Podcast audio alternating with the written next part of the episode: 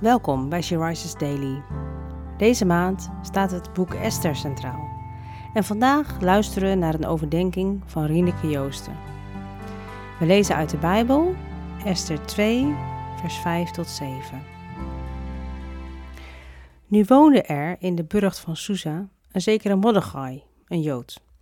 Hij was een zoon van Jair, de zoon van Simi, de zoon van Kis, uit de stam Benjamin. Hij was een van de mensen die samen met Jegonja, de koning van Juda, door koning Nebukadnezar van Babylonië als ballingen uit Jeruzalem waren weggevoerd.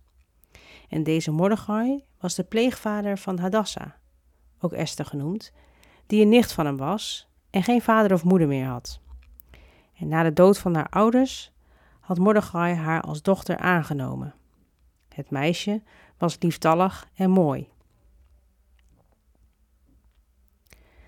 Mordechai heeft de zorg voor Esther op zich genomen sinds haar ouders gestorven zijn. Als we het boek Esther verder lezen, komen we erachter dat het een integere, zorgzame man is. Loyaal aan de God van zijn volk en loyaal aan de koning van dat moment. Betrouwbaar. Een goede man die zorg draagt voor Esther en betrokken is op haar leven. Ook als ze verhuist naar het paleis van de koning. Hij komt dagelijks kijken hoe het met haar gaat.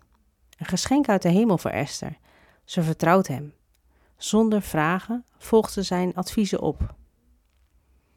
Zoals Mordechai voor Esther zorgt, zorgt de Heilige Geest voor ons.